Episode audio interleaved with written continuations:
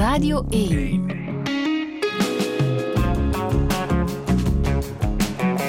Touché. Met Friede Lesage. Touché met psychiater Dirk de Wachter. Goedemorgen. Goedemorgen. Ik ben heel blij dat je hier bent. ik ben blij dat ik hier mag zijn. Je was ooit te gast in Touché, maar ondertussen is er veel gebeurd. Hè? Het leven gaat zo zijn bochtige gangen. Ja, en dat is de reden waarom ik je heel graag nog eens wou spreken. Hoe gaat het op dit moment?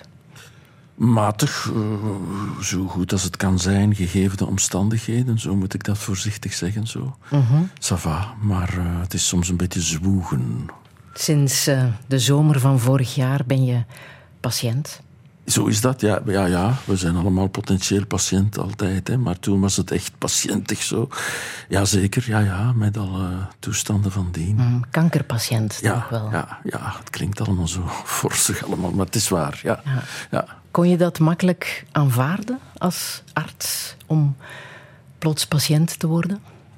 Goh, ja, dat, dat ging nogal eigenlijk. Tot mijn eigen uh, verwondering is mij dat nogal gelukt om mij daarin te zetten. Zo. Als arts, ik denk eerder dat dat het makkelijker maakte, omdat ik dan wel goed verstond wat er allemaal aan de hand was en dat ik ook qua behandelingen goed kon converseren met mijn behandelaars. Dus ik denk dat het arts zijn daarin, en mijn vrouw is ook arts, dat dat eerder een voordeel was om een beetje rationeel te weten uh -huh. wat er allemaal moest gebeuren. Zo. Ja, ja, ja, En kon je ook makkelijk het leven dat je tot dan had geleid uh, loslaten? Want dat gebeurt ja, natuurlijk dat, ook, hè? Dat is juist. Wel, de, eigenlijk is dat makkelijker gegaan dan dat ik zou gevreesd hebben. Ik heb altijd zeer hard gewerkt, zeer veel. Zo, uh, tot s'avonds laat en de weekends schrijven en lezen. Maar dat is nogal gegaan. Ik, het, het was ook geen keus, het was wat dat was. Maar dat, het is mij nogal goed afgegaan eigenlijk toen om van na de operatie en het ziekenhuis en al die miserie, om dan thuis een beetje rustig te zitten zo. En ja, dat ging eigenlijk -hmm. Merkwaardig goed. Ja, je hebt was... toch weer geschreven, hè? Dat ja, kon je niet ja, laten. Is, ja, een beetje daarna, een beetje daarna. Ja, het boek. Verstro Vertroostingen. Vertroostingen, ja, de Wachteriaans woord, denk ik dan. Ja. Omdat, maar kijk, dat komt omdat mijn boek Borderline Times van lang geleden, van tien jaar geleden, eindigde met de Bach-kantate uh, Ik had te veel bekümmernis in mijn herzen, aber deine Tröstungen erquicken meine Seele. En ik dacht, ik begin nu een boek met, met die quote. Dus waar ik geëindigd ben, begin ik dan om te zeggen, voilà. Nu is het bij mij, nu ben ik daar zelf in, in gezetteld. Zo. Ah, want er bestaan zeer veel soorten troost. Hè. Daar gaan we straks uh, nog wel verder op, uh, op ingaan. Mm -hmm. Hoe zou jij jezelf omschrijven nu? Ben jij veranderd?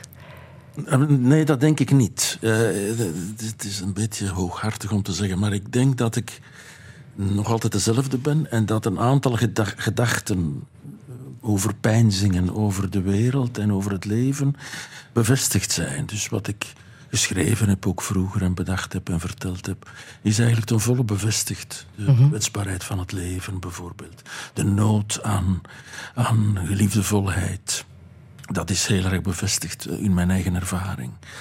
Maar daar had ik vroeger al veel over gedacht, naar aanleiding van de patiënten die ik ontmoet natuurlijk. Dus mijn eigen patiëntigheid heeft alleen maar die ervaring, die, die, die, die, die bedenkingen bevestigd. Ja. In jouw boek schrijf je ook, ik ben een dankbare mens. Zeker en vast, ja, ja. Ik ben ook, uh, enfin, ik moet een beetje voorzichtig zijn om dat te zeggen, ik ben ook wel een gelukkige mens. Uh, dit voorbije jaar was was met alle lastigheid een goed jaar ook. Enfin, ik wens niemand toe om dat hier mee te maken. Ik had het ook liever niet gehad, hè, maar ik ben zo goed omringd geworden door, door mijn vrouw, door mijn kinderen, door, door goede vrienden, door mensen rondom mij. Dat dat ook wel heel warm en genadig is geweest. Zo, ja. Ik las ook dat je een avondmens bent. Wat ja. voor jou betekent iemand die meer zonsondergangen dan zonsopgangen heeft gezien. Dat is zoals je avondmens bent. Ja. Maar ook dus de melancholicus. Die ja, graag zeker. achterom kijkt, die Ja, graag zeker. terugkijkt. Ja, het, het is een beetje merkwaardig, maar in veel, ik zal maar zeggen, in veel zelfhulpboeken en zo wordt er erg de nadruk gelegd in het nu te leven. Ja. Heel erg in het nu. En ik versta dat wel, maar voor mij is in het vroeger leven ook zeer, zeer mooi. Zo. Troostend. Troostend, wel, daar gaat het dan over. Ja, ja, om terug te denken aan alles wat zo goed geweest is eigenlijk. Zo. Ja, ja. Ja. Jouw levensmotto is ook niet veranderd, zag ik. Engagez-vous, indignez-vous, engagez-vous. Zo Ja, ik dat dan naar, naar Stefan Hessel. En Nee, dat is niet veranderd. Vandaar ook dat boek dan natuurlijk. Ik denk van ja, als ik nu nog iets kan doen, dan is het wel daarover schrijven en proberen van betekenis te zijn. Hè. Dat is wat ik denk dat het leven waard is. Hè. Want je hebt er toch wel even over getwijfeld, hè? Om te delen wat je, wat je hebt meegemaakt het vorige ja, ja. jaar. Zeker in het begin dacht ik, wat moet ik hier nu mee? Laat mij gerust, dacht ik. Hè. Al die gemediatiseerde gedoe, al die toestanden, die radio en tv. Laat mij gerust, alstublieft, zeg. Laat mij hier doen. Maar dan heb ik heel toevallig een, een interview gegeven. Enfin, het is een heel verhaal, maar toevallig toch in de tijd. Het, eh, en dat is dezelfde dag nog overgenomen door zowat alle kranten. Ja, dan wist iedereen hoe dat zat. En dan, dat is de aanleiding van het boek ook, dan kreeg ik heel veel reacties van mensen die zich getroost voelen door dat verhaal van mij. Die dus door mijn persoonlijke verhaal, waarin ik schrijf, voilà, het was een lastige toestand en dit en dat, kreeg ik dus reacties van mensen die zeggen, oh, dat is zo goed geweest voor mij, ik voelde mij herkend en getroost enzovoort enzovoort. En dacht ik, ah bon, dus als ik daar iets over schrijf, dan kan dat voor mensen veel betekenen. Dus dan kan ik toch nog de psychiater zijn die ik wil zijn, ondanks het feit dat ik hier op mijn ziekbed lig. Dus ik kan dan toch ja, nog mijn werk doen of zoiets. Dat is allemaal raar, raar om te zeggen. Maar zo, en ja, en dan natuurlijk, laten we eerlijk zijn, mijn uitgever die zegt ook van, wat zouden nog willen doen? Dacht ik, hoe nog willen doen? Ik ben nog niet dood. Maar mm, ja, dat allemaal samen. Dus bon, Het is, het is zo gegaan. Het is zo gegaan. Dirk de Wachter, ik ben blij dat je er bent in Touché. Welkom. like a bird on the wire, like a drunk in a midnight choir. I have tried in my way to be free.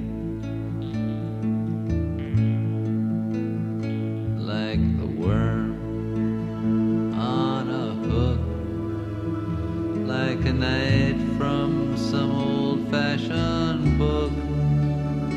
I have saved all my ribbons for thee.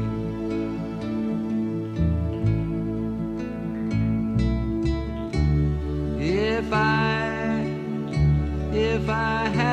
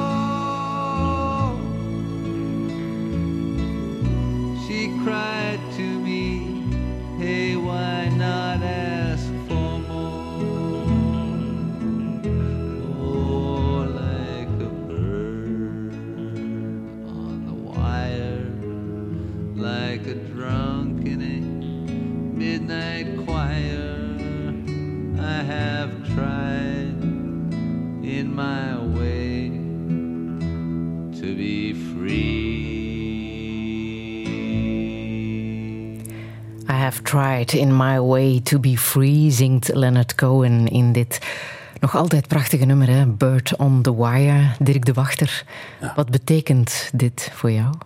Well, dit is, Co- Cohen heeft mij altijd ver- vergezeld van in mijn puberteit zo. En dat is gebleven. Veel van die muziek van toen heb ik een beetje verlaten, maar Cohen niet. Tot over zijn dood heen zingt hij ons nog toe. Zo. Ik vind dat fantastisch, hoe dat die stem getormenteerd. Hij kan eigenlijk niet zingen. En het is zo traag en zagerig. En het is fantastisch. Ik vind ook, ook zijn teksten, zijn bijbelse thema's. De onmogelijkheid van de liefde en al dat soort van dingen die, die mij nog altijd... eh, Nog meer Toucheren. troostend, ja, nog meer troostend dan ook ze ooit zijn geweest Nog altijd hetzelfde, nog altijd hetzelfde ook zijn. Dus hij heeft een, eh, nog een plaat gemaakt als hij al dood was. Het is raar om te zeggen. En dat is toch, ja, zijn, zijn die thema's over de dood vind ik toch nog altijd. I'm ready, my lord. Hè. Dat soort dingen eh, vind ik nog altijd relevant en kan ik toch wel erg smaken. Zo. Mhm. Ja. Dirk de Wachter, laten we even teruggaan naar die zomer van vorig jaar. Hoe heb je gemerkt dat er iets aan de hand was? Wel, het is verhaal dat ik beschrijf hè. Ik was eh, in Parijs, ik, was ik ben vaak daar, en dus ik was ook nu toen daar. En ik voelde mij niet... Ik was in het museum eh, van de Centre Pompidou, hè, daar. eh, en ik stond vo- voor de, de wand van André Breton. André Breton heeft zo'n kamertje in de centre. En daar ga ik altijd naar kijken, omdat ik dat een heel bijzonder... Het is bijna een ritueel dat ik daar naartoe ga om te kijken naar de wand van André Breton. En toen ineens voelde ik mij zeer slecht en zeer... eh, ik had ongelooflijke krampen in mijn buik. Ik moest naar het toilet en daar eh, was een... eh, ja, ik... bloedde daar half leeg, dacht ik. Natuurlijk wat overdreven, want bloed dat geeft een zeer slechte indruk. Zo. Enfin, dat was in ieder geval een signaal van er is iets ernstig mis. En dan heb ik van daaruit contact genomen met de artsen. eh, Die ik kende via mijn vrouw ook en zo. En dan zijn de onderzoeken aan de gang gegaan. Heel, heel wat. Dat is altijd een heel gedoe. En eh, enfin, dan zag men dat dat een kanker was met uitzaaiingen. Ook uitzaaiingen op afstand in de lever. En dat is prognostisch niet zo goed. Maar goed, dan zijn we ervoor gegaan. Hè. Een operatie en nog een operatie. En eh, een hele chemotherapietraject. Zoals zoveel mensen meemaken. Ik moet dat altijd zo toch goed benadrukken. Hoe dat duizenden en duizenden mensen dat meemaken. Maar als je zegt prognostisch niet zo goed, wat betekent dat dan? Ah, wel, dat betekent dat, eh, dat eh, de vijfjaars overleving, zo gaat dat in die, in die, dat zijn de termen die men gebruikt, is 40 procent. Dat betekent dat binnen ondertussen vier jaar dus, hè, dat ik eh, meer kans heb om dood te zijn dan om nog te leven. Maar ik ga natuurlijk ten volle voor de 40 procent. Ze gaan mij niet hebben. Hè. Enfin, dat probeer ik zo toch voor ogen te houden. Dat moet je ook doen. Hè. Dat is, ik denk dat dat, dat dat ook een soort morele plicht is zo, om voor het leven te gaan. Zo, zo zie ik dat. Maar toen je dat te horen kreeg, wat, wat gebeurde er met jou op dat moment? Ja, Als je zo'n boodschap krijgt. Zo, wat verwarring, wat, wat is dat hier, wat doen we nu? Eh, ja, ik was het, het- heel belangrijk dan, ik was met mijn vrouw altijd. Ik was in Parijs met mijn vrouw, maar ook met die onderzoeken. En die, dat dan samen daar zo wat, daarover spreken. We zijn allebei arts, dus wij kunnen spreken van hoe zit het en dit en dat en de testen en wa- waarom en wat. Hè, dat kunnen we goed doen, maar we kunnen ook goed stil zijn. Zo. Een wandelingetje maken en stil zijn en daar eh, elkaar aankijken en elkaar niet aankijken en zeggen voilà, we gaan dat samen doen. hè. Je hebt ook de chemokuren achter Ja, de rug. Tien sessies om de ja. veertien dagen. Ja, Dat was de hel. tien of twaalf, ja, ik weet het niet meer. Ja, ja. Dat was de hel. Dat is niet. is- ja, enfin, nogmaals, zoveel mensen maken dat mee. Dus ik moet daar ook niet te veel eh, over zagen. Hè. Maar, maar eh, ja, dat was. Je zit dan zo misselijk als ik weet niet wat. En daar ook, ook. Wederom, het is heel raar wat ik nu ga zeggen, is heel raar hoor. Maar ik was zo blij dat dat gedaan was, want je zet daar echt niet goed van. En tegelijkertijd mis ik dat ook. Het Ja. is echt heel raar om te zeggen. En hoe komt dat, denk je? Komt dat omdat je zo'n soort van vast patroon hebt? Ja, en, en hoe komt dat vooral? Omdat daar mensen zijn. Er was een verpleegster. Ongelooflijk. Ik eh, word er... eh, ik, ik, dat raakt me zo. Een verpleegster die daar altijd was. En die mij vriendelijk bejegende zo. En eh, voilà, alle dingen. En daar was een dokter ook, toevallig iemand die nog met mij gestudeerd heeft, die altijd langskwam, die tijd maakte, die aan mijn bed kwam zitten. Ja, dat is zo deugddoend. Dus de miserie die zich daar omdraait, als een kous die binnenste buiten wordt getrokken, waarin dat de lastigheid eigenlijk zich tot schoonheid verheft. Het is heel raar om dat zo te zeggen. Maar goed, het is- ja, dus het is heel merkwaardig hoe dat je daarin de, de verschrikking eigenlijk. De, kijk, de verschrikking geeft toegang tot, tot iets heel bijzonders. Door die mensen, door de blik van de ander, zeg ik dan. Hè, maar die verpleegster die ik dan heel toevallig nog ben tegengekomen, eh, ik, had, ik pakte die vast. eh, dat is. eh, Zo'n mens is goud waard. De mensen in de zorg, hè, ik denk dat dat niet genoeg kan benadrukt worden. Dat is zo belangrijk voor onze maatschappij. Mensen in de zorg, die zorgend zijn voor zij die in de lastigheid zitten. Dat wist ik dus ook al, heb ik ook al over geschreven, maar dat heb ik nu aan den lijve, maar echt aan den lijve ondervonden. Dat was voor jou ook de grootste vorm van troost, hè? nabijheid Absoluut, ja. van mensen. Ja, ja, want ik schrijf over kunst en ik schrijf over literatuur en filosofie en al die dingen. Heel belangrijk voor mij allemaal. Hè. En reizen en dit en dat. En, eh, maar de, de nabijheid van een mens, maar echt de nabijheid van de waarachtige, authentieke nabijheid van een mens, dat is met niks te vergelijken. Ja. Nochtans, de ander kan jouw pijn of verdriet niet wegnemen. Nee, nee. Het is alleen die aanwezigheid, Ja, ja, ja, die ja. aandacht. Ja, ja, troosten is niet zeggen van het gaat wel over, het is oké, het is zo erg niet. Of zoiets. Er zijn. Er zijn. Er, er voor iemand zijn. Dat is eh, heel bijzonder, ja. Ik heb, eh, ja, van goed, ja. Dan valt het ook op dat ehm, pseudotroost, een soort commerciële troost of valse troost, hoe je het ook moet noemen, dan helemaal in het niet vervalt. Hè? Alles wat we onszelf cadeau doen om ons zogezegd gelukkig of beter te voelen, dat speelt dan geen enkele rol meer. Hè? Ja, ik ben daar nu nogal streng over natuurlijk. Kijk, als mensen eh, getroost worden door, door een dure reis en dit en dat, dan is dat ook goed. Hè. Ik wil dat ook niet veroordelen. Maar ik heb toch ondervonden dat de, ja, de blik van de ander kost niets. Hè. Dat is gewoon, dat is daar, dat is daar. En zo omringd zijn is, is fundamenteel. Zo. Dat, eh, dat is echt fundamenteel. Eh, en dat is niet te vervangen door, door commerciële activiteiten. Dat, eh, ja, heb ik heel, dat wist ik al, maar dat heb ik heel erg ondervonden. Heb jij jezelf beter leren kennen het voorbije anderhalf jaar? Ik ben bevestigd geworden in de dingen die ik al vermoedde. En soms heb ik ze nog meer fysiek ondervonden of zo. Maar er is geen grote verandering, er is geen aha-erlevenis gekomen. Het is niet dat ik nu denk van, oh, nu dat ik het einde van het bestaan voor ogen heb, soms, hè, dat ik nu ineens iets anders wil doen. Dus ik, ik ben niet veranderd. Hè. Ik heb nog hetzelfde werk, hetzelfde huis, eh, dezelfde vrouw ook, dezelfde kinderen. eh, dezelfde passies. Dus het is eigenlijk niet echt. Nee, er zijn geen grote, grote kruispunten gekomen. Hè.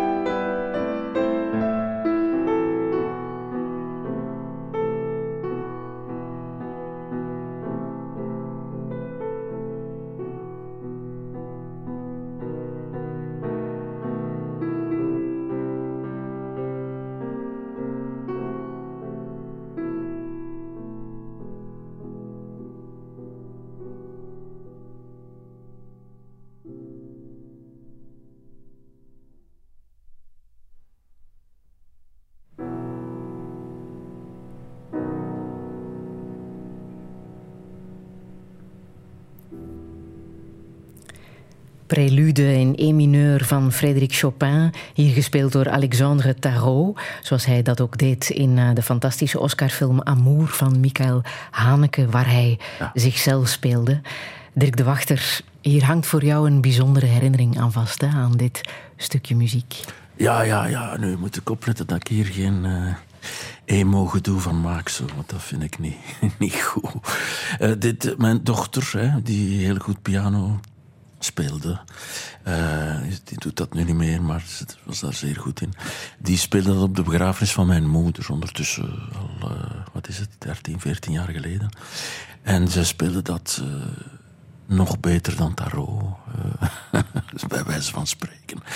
Dat was heel mooi. Ze had, ze had piano gestudeerd, maar had dan speciaal voor die begrafenis dat stuk nog extra ingestudeerd bij haar lerares bij Christel Kessels. En uh, dat was ongelooflijk mooi. Dat, uh, ja, en dat ah. blijft mij bij. We hebben dat stuk ook dan op, op CD laten spelen op de boot uh, toen. Mijn ouders toen allebei, toen ze allebei overleden waren, toen ze in de zee zijn neergelaten, of hun, hun assen in de zee is neergelaten. Dat was de wens van jouw moeder? Dat was de wens van mijn moeder, die zei van kijk, verbrand mij, want zo'n graf, dat is eh, alleen maar onderhoud, daar heb je werk aan. Dus dat moet, dat moet je niet doen. He, verbrand mij en zet mij maar naast papa uh, in huis. En dat is inderdaad zo gebeurd. En uh, ze heeft dat ook allemaal geregeld voor mijn vader, die heel zijn leven ook door haar heeft laten regelen. Dus dat paste wel. En ze zegt van, als hij dan sterft, uh, dan kunt je hem ook verbranden. En dan doet je die assen in één pot. En je mengt dat goed, dan zijn we goed samen. En dan laat je ons maar in de zee. Omdat zij, zij waren vaak aan zee en ze keken dan van, van, van op de dijk naar, naar de, oneindigheid van de zee. En daarin vertoeven zij nu voor eeuwig. Mm -hmm. Dat was heel, heel, heel mooi. Ja. Zo'n afscheid, zo'n ritueel is belangrijk. Hè? Absoluut. Dat je zoiets dat kan doen belangrijk. samen. Dat is heel erg belangrijk. Dat we moeten opletten dat we in deze geseculariseerde tijd dat we daar voldoende aandacht aan houden. Hè? Want de kerkelijke structuren die hebben niet meer dat impact van vroeger. Hè? En dat heeft voor- en nadelen. Maar ik denk dat we toch moeten de, ja, een aantal rituele tradities moeten in ere houden. En het kind niet met het badwater weggooien. -hmm. Was het voor jou ook, voelde je dat dat belangrijk was om op die boot ja, te zijn? Zeer belangrijk, en... maar absoluut zeer, zeer, zeer belangrijk. Ook met, met mijn broer ook zo. Dat, ja, ja, zeker. De familie was daar samen, waren op die boot met onze familie. En we, we konden iets voorlezen en, en iets, uh, ja, die muziek dus, hè, die Bach natuurlijk ook en zo. En, en uh, dat was, en dan samen iets gaan eten. Zo. Het was nog de coronatijd, maar we waren juist, uh, we mochten, de, de man in het restaurant zegt, oeh, we zijn met twee te veel. Ik zeg, ja, maar we zijn van Millen en we komen juist van,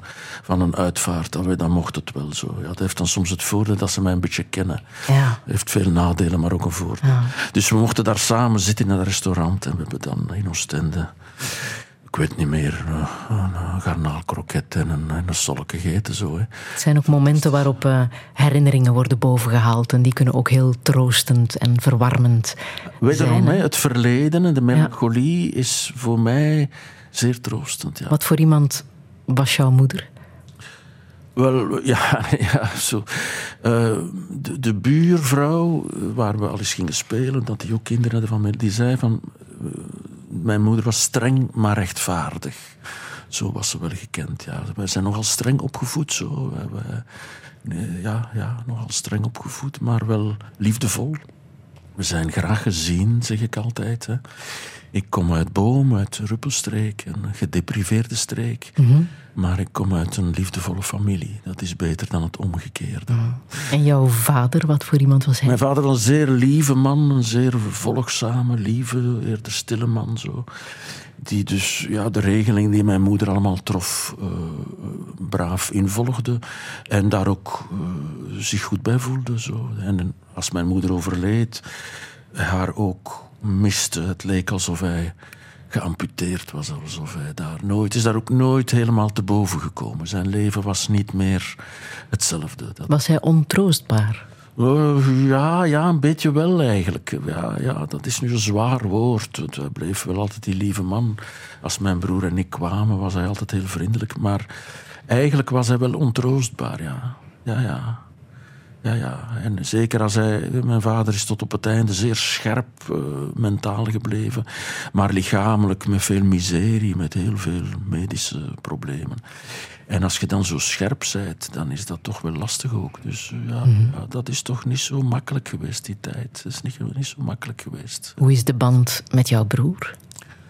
Maar altijd goed geweest. Hè. Ik heb een hele lieve broer, een hele zorgzame broer ook. Die in de tijd toen. Dus mijn moeder was dan weggevallen en dan is mijn vader nog vele jaren alleen gebleven. Mijn broer ging daar elke dag naartoe, woont ook nog in hetzelfde dorp. Ja, dat is. Ik ken weinig mensen die zo zorgzaam leven. Ah. Ik vraag het omdat je tegelijk zegt: ik was als puber, als kind ook heel eenzaam. Ja, maar ja, ja, dat is ook denk ik eigen aan de puberteit. Hè. Dus, dus Ja. het, is, het is niet zo. Eh, maar ik moet dat een beetje goed nuanceren. Ik was zeer op mezelf ook. Maar ik was wel naar de buitenwereld toe. nog- ik kon mij goed aanpakken. Ik was, was op school, had ik wel vrienden. Ik heb nog altijd een goede vriend van toen. Dat is heel mooi. Ik was in de jeugdbeweging ook. Ik was sociaal actief. Ik sport kon ik niet, dat is een nadeel. Maar ik was ook met mijn ouders, heel goed, met een heel mooie familie, met mijn broer ook. Dus, dus die, die waren daar wel allemaal. Maar au fond is dat toch een periode waar, waar men zich afvraagt: wat is dit leven? Wat is dat hier voor een gedoe? En, en pff, niemand lijkt dat zo te begrijpen. Dat, het is heel dubbel zo, ja. En dat is eigenlijk nog altijd zo, als ik dat mag zeggen. Ik voel me toch nog altijd een, een, eh, een mens die, die wat aan de rand van het gebeuren staat. Zo, zo, zo.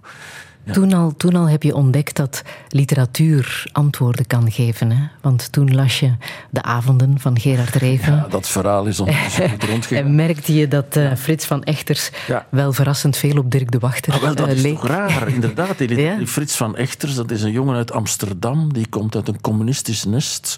Dat is na de oorlog, 1947. Dat heeft op het eerste zicht niks te maken met mijzelf. Uit een klein Vlaams dorp, uit een katholieke familie. Eh, in, in de jaren 60, allee, 70. Ja, je zou denken... En toch, dat was zo herkenbaar. Die man zijn gedachten.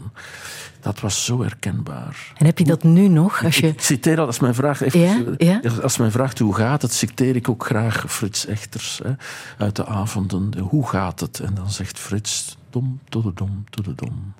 Hoe gaat het? Het gaat slecht, meneer. Maar verder gaat het goed. En dat is nog heel juist ook zo. Het gaat slecht, maar verder gaat het goed.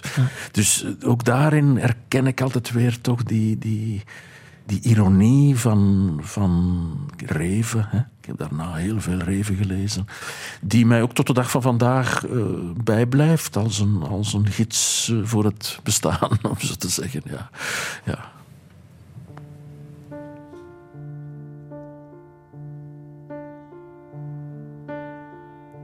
I stepped in to an avalanche. It covered up my soul. When I am not this hunchback that you see, I sleep beneath the golden hill. You wish to conquer pain, you must learn learn to serve me well.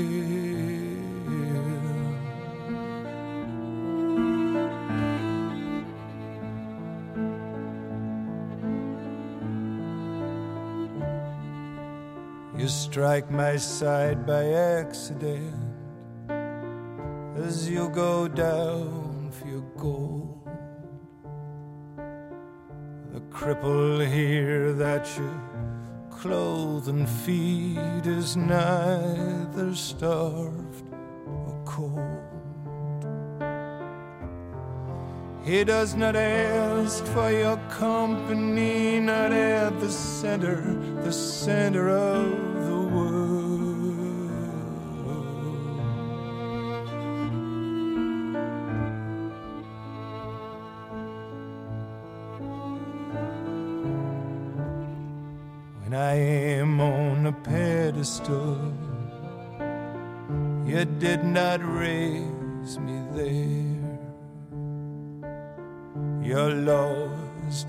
not compel me now to kneel grotesque and bare. I'm myself, I'm the pedestal for this ugly hump at which you stare.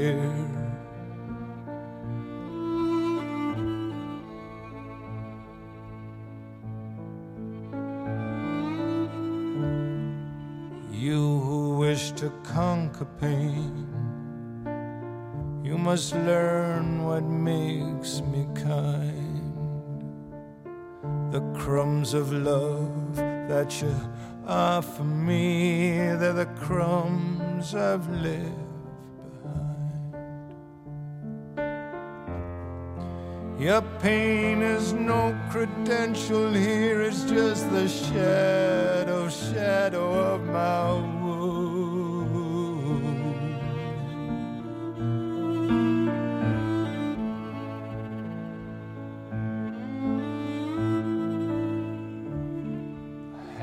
Begun to long for you.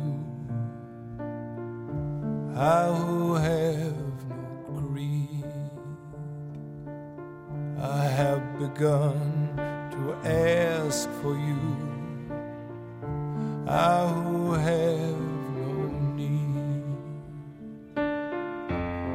You say you're gone away from me, but I can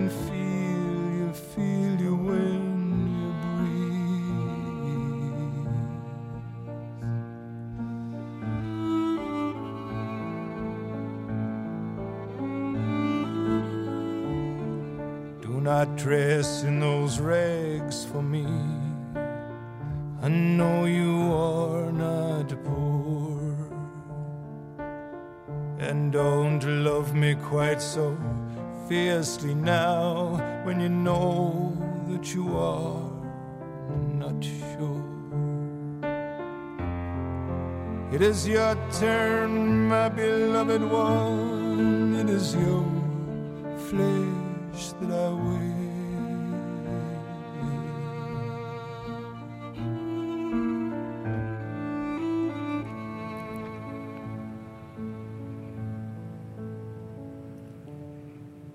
Nick Cave met Avalanche. Het is een nummer van Leonard Cohen, hè? Een Dirk de Wachter. ongelooflijke tekst van Cohen. Het is Ja. een geniale tekst. Ja, en dan nog eens in een eigen versie van Nick Cave. Dat is twee keer prijzen voor jou.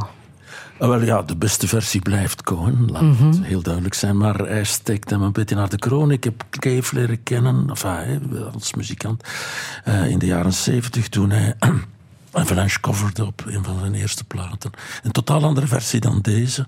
Met verschrikkelijke, ja, eh, met zijn stem. De punkversie zal ik maar zeggen van het begin. Maar hier heeft hij, hij komt heel erg tot rust en tot inkeer. Misschien door de misère die hij allemaal meemaakt met zijn kinderen. Ik weet het niet. Maar enfin, dus eh, ja, dat is een fantastische song. Ja. Hij ehm, heeft inderdaad eh, iets bijzonders gedaan hè, met het verlies van zijn eerste zoon, Arthur, die op 16-jarige leeftijd van de rots is afgevallen, allicht onder invloed van drugs. Ondertussen is ook nog een tweede zoon van hem gestorven. Hij praat daarover met zijn publiek. dan mee. Zijn ja, manier om zijn verdriet te delen. Toen, toen ik dat hoorde, dacht ik van ja, die man gaat nooit meer kunnen optreden. Hè. Dat dit hier stopt, dat gaat. Maar het is natuurlijk niet waar. Het is het omgekeerde. Het enige wat die man kan, enfin, of wat hij ook goed kan, is op een podium staan, muziek maken, een publiek eh, bereiken, een publiek raken. En dat doet hij ook goed. Het is merkwaardig hoe hij meer en meer mij achterna loopt, zeg ik altijd. hè. Hij begon als een, een onverlaten punker. Hij zag er niet uit. Hij riep en schreeuwde onder invloed van alle drugs die je maar kunt denken. Dat heb ik nooit gedaan hoor. En eh, meer en meer begint hij zich een beetje deftig te kleden en eh, deftig te gedragen. En Wie lijkt op wie?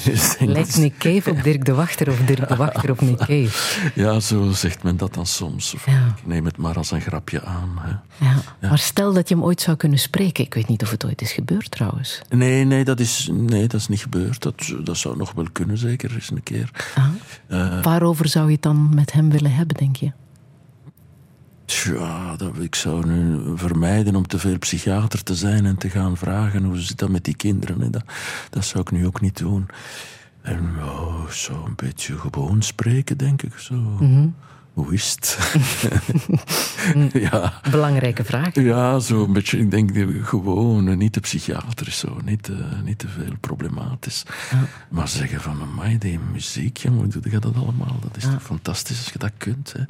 Ik, eh, ik, ik ben zelf een mislukte muzikant, enfin, ik ben een mislukte van alles, maar ik had ook wel graag muzikant geworden. Zo. Ik heb ook lang muziekschool gedaan en gitaar geleerd, klassieke gitaar, wat heel moeilijk is.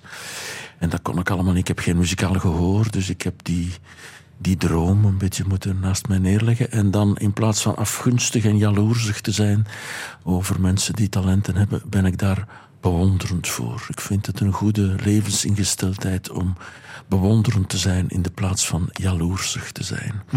En dus eh, vooral ook Nick Cave vind ik wel een bijzondere muzikant. Ja. Alhoewel ik tegenwoordig de laatste jaren, vele jaren, veel minder in de popmuziek eh, verwijl en veel meer in de klassieke muziek. Van Bach vooral, ja. Nu, je bent psychiater geworden en wat voor een. Ah, psychiater waar heel veel mensen al heel veel aan gehad hebben. Maar toch zeg je zelf, ik heb ook gefaald. Ik heb ook patiënten verloren. En dat is falen als psychiater. Ja, dat voelt dan toch zo. Ik bedoel, ja, ja, en verloren bedoelt u door suïcide of zo? Wat natuurlijk wel gebeurt, maar niet zo vaak. hè. Dat is eigenlijk van zodra mensen bij u komen en al verbonden zijn, dan is dat, eh, gebeurt dat niet zo vaak. Suïcide is vaak iets van mensen die verlaten zijn en niemand hebben. Maar goed, ook mensen bij wie dat ik gesprekken gevoerd heb, die niet hebben kunnen het verschil maken dat zij wensten of dat ik wenste. Uiteraard is dat zo. Hè. We zijn geen geen goden en geen tovenaars. Dat is zo, dat is zo. We zijn te kortig. We zijn, eh, daar moeten we mee leven. Dat is niet makkelijk. Ja. Maar voelt dat echt aan als hier heb ik gefaald? Eh, Dat voelt initieel zo en dat rationaliseren we dan door te gaan kijken hoe komt dat en wat is dat hier en zo. Maar dat voelt toch altijd wel als een soort van. eh, het niet kunnen doen wat dat je toch zou wensen. We, leven toch, zeker in de psychiatrie, de, de, de maakbare mens die we in de illusie van de moderne geneeskunde soms koesteren. Hè. Men kan ongelooflijke ingrepen doen, protheses steken, eh, ongelooflijke eh, orgaantransplantaties en, en wonderen verrichten bijna. En in de psychiatrie moeten we heel bescheiden zijn. De veranderingen die we daar kunnen aanbrengen zijn klein, maar heel wezenlijk en heel belangrijk hoor. Mijn vak is fantastisch, maar, maar het gaat toch heel erg over het leven met tekort, over machteloosheid, over samen machteloos zijn. Iemand die een kind verloren is, bijvoorbeeld, van ergste dat er bestaat. Dat kunnen samen vertellen en dat samen een beetje proberen te verstaan, zonder dat je dat ooit echt kunt verstaan. En, en daar, daarbij zijn, nabij zijn. En dat nooit helemaal kunnen oplossen. En, en zo dat, dus we, we- de, het psychiater zijn zit heel erg in het omgaan met tekort. En in de hele grote absurditeit van het bestaan, die nooit cynisch mag worden. De absurditeit die altijd uitnodigend, hoopvol en nabij moet blijven. Wel, het is wat ingewikkeld gezegd, maar zo, zo is het.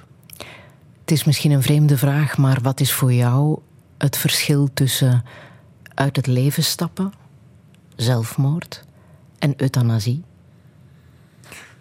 Ja, dat is een heel ingewikkeld. Daar moeten we een hele uitzending aan wijden. Wel, de euthanasie bij psychisch lijden is eigenlijk een soort van eh, medisch begeleide suïcide. Ik denk dat we dat zo moeten definiëren, dat dat juister is.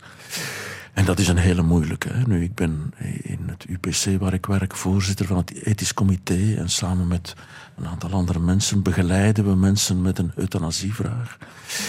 Dat is een heel, heel moeilijke. Het is een van de moeilijkste dingen die ik in mijn, in mijn bescheiden loopbaan heb mm, mogen moeten doen. Zo. Mensen die dus zeggen: eh, ik, ik, geef mij alstublieft de hoop van de dood. Dat, eh, terwijl wij als psychiaters en als artsen ook opgeleid zijn om mensen in leven te houden, zolang als het kan. Wij, wij gaan mensen die suïcidaal zijn, acuut suïcide, gaan we opsluiten, om het cru te zeggen. We gaan die beschermen tegen hun doodsgedachten. En dan komen er mensen en die zeggen van dokter, alstublieft, het gaat niet meer. Ik wil dood, help mij daarbij om dat op een, op een rustige en eh, respectvolle manier te doen. Dat is een hele moeilijke. Het is van de moeilijkste dingen die we, die we vandaag in de psychiatrie meemaken. eigenlijk, Ja. Mensen die terminaal ziek zijn, kunnen ook die keuze maken. Hè? Ja. Kiezen voor de dood. Ja, dat is een andere zaak natuurlijk. hè. Als mensen toch gaan sterven binnen een zekere termijn, binnen korte termijn, is dat een totaal andere zaak dan in de psychiatrie, waar mensen alvast fysiek nog een lange levensloop eh, voor ogen hebben. Dus, maar u stelt de vraag een beetje suggererend hoe dat voor mij zou zijn. ja. Eh, wel, kijk. eh, ik hoop nog lang te leven. Hè. Ik leef zeer graag. Wees gerust. Ik, Maar goed, als we realistisch kijken naar de prognose, behoort het tot de mogelijkheden dat daar een vroegtijdiger einde aan komt. Nu, ik ben 62 jaar, het is ook wel al heel mooi geweest. Maar goed, het is toch wat te vroeg. Maar moest ik nu aftakelen, hè? moest ik nu met nieuwe metastasen aftakelen en pijn hebben en niet goed zijn en, en misschien ook mentaal eh, door verdoving of, of hersenproblemen en al dat soort miserabele gedoe, dan zou ik wel, denk ik nu, hè, denk ik nu, eh, bewust willen afscheid nemen. Dan zie ik dat al zo, dat we een bed in onze woonkamer zetten. Ik heb dat dan zo voor ogen. Ik zeg dat soms tegen mijn vrouw.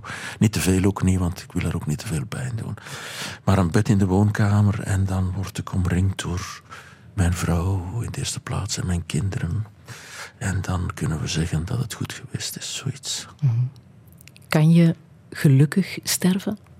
Ik hoop het. Ik, dat weet ik niet. Want ik eh, weet niet hoe, hoe sterk dat ik daarin kan zijn. Of hoe sterk. Of hoe, dat weet ik niet goed. Ik hoop het. Ik heb, eh, kijk, mijn leermeester, eh, Luc de psychiater, heeft dat zeer gelukkig gedaan. Die is mij voorgegaan. Een beetje ouder. Die heeft zelfs gewacht op jou. Hij heeft op mij gewacht, ja. Dat verhaal schrijf ik ook. Dat is heel bijzonder. Ja, ja die heeft dat gekunnen. Die, die is, had ook een carcinoom en prognostisch niet goed. En is dan met euthanasie kunnen heengaan op een eh, zeer eh, eh, gelukkige manier. Ja, ja, ja, denk ik toch.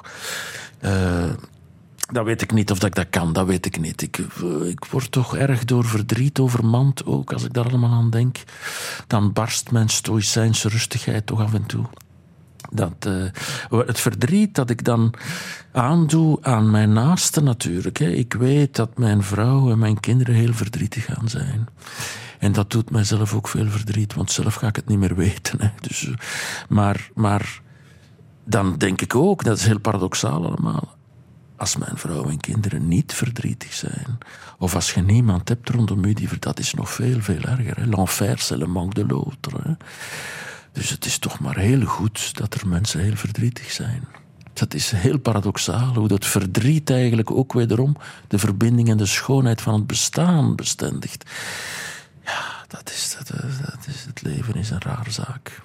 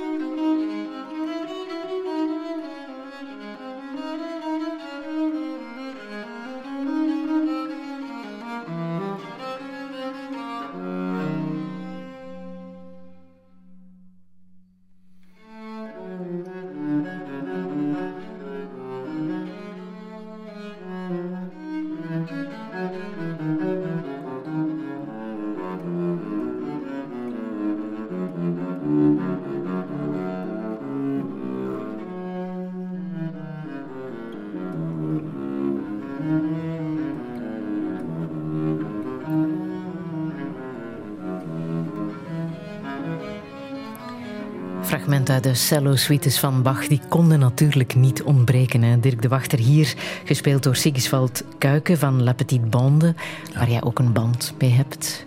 Ja, ja, ik heb het grote geluk om deze mensen te mogen ontmoeten. En daar, ik zit in de raad van bestuur van La Petite Bande, maar raar zo. Maar uh, de suite, ja, als ik, ik had bijna natuurlijk, ik mocht verschillende stukken kiezen, muziek. En als ik niet oplet, zijn dat acht stukken van Bach natuurlijk. Hè, dus ik moest dan toch wat variëren.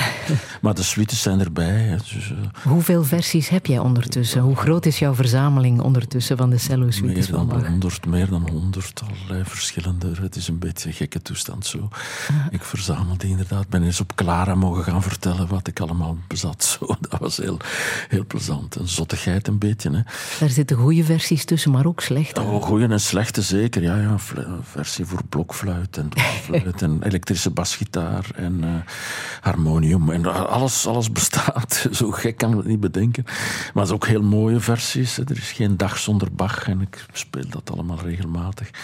Dat is, uh, ja, Bach is voor mij een soort van ja, als het over troost gaat, een soort van ordening van de chaos. Zo, hè. Een soort het, het Levinasiaanse Ilia, dat ergens wordt omgedraaid in, in, een, in een stukje harmonie, een stukje schoonheid. Mm -hmm. Iets dat eeuwigheid ook vertegenwoordigt. Dat heb ik daar. Uh, dus niet alleen in de cantates en met hun religieuze inhoud, maar ook in de, in de instrumentale muziek vind ik, vind ik heel. Uh, ja, heel spiritueel, heel religieus, zo men wil, zonder, ja. zonder kerkelijkheid, hè, maar heel religieus, namelijk een soort van toegang tot de eeuwigheid. Zo, zoiets is dat. Ja.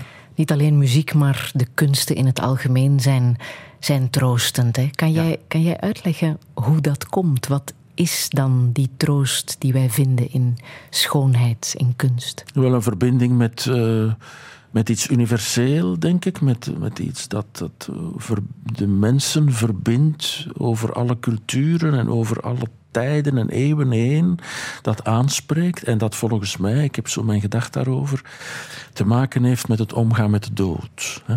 Volgens mij is de kunst in de wereld gekomen toen we als mensen door onze neurologische ontwikkeling ons zijn bewust gaan worden van het einde van het leven, dat we sterven en doodgaan en dat het dan gedaan is en dat we dan en daar zijn religies uit ontstaan, maar daar is ook de kunst uit ontstaan. Door bij de stervende mens is men gaan zingen, is men gaan teksten debiteren, men heeft, uh, men heeft schilderijen gemaakt of men heeft stenen bebeiteld, men heeft gedanst, men, heeft van alles gedaan om die dood te bezweren, om die dood betekenis te geven. En dat is nog altijd zo, denk ik. Dat zum tode leben, Heideggeriaans gezegd, is eigenlijk de oorsprong van, van de zin van het bestaan, maar ook de oorsprong van de kunst. Dus als je dan, zoals ik, die dood wat in de ogen kijkt. Zo. Ik, ik hou hem maar voor, maar, maar uh, ja. dan is de kunst ook zoiets om, om, in, te, terug, om in gelassenheid in te verwijlen. Zo. Schoonheid ook wel. Het troosten van de schoonheid. Die lelijk kan zijn hoor. Mm-hmm. kan, maar wat zegt die psychiater allemaal? He, dus de, de, de, de schilderij van Francis Bacon, waar ik erg bewonderend voor ben, zijn niet schoon in de esthetische, klassieke zin van het woord. Ze zijn verwrongen, maar ze zijn van een ongelooflijke pracht. En het, het toucheert mij ook, om dat woord mag ik hier gebruiken.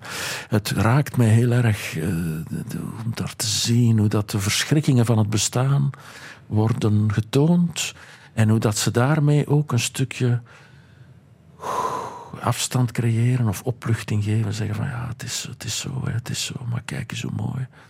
Heeft dat jou ook getroost, die beelden van Francis Bacon, bij het aanschouwen van je eigen operatie, de restanten ja. na de operatie, die soms ja. lastig en moeilijk zijn om, uh, om te zien. Ja, er is zo'n doek waarbij dat hij uh, bij een rund zit dat in twee gesneden is. Zo.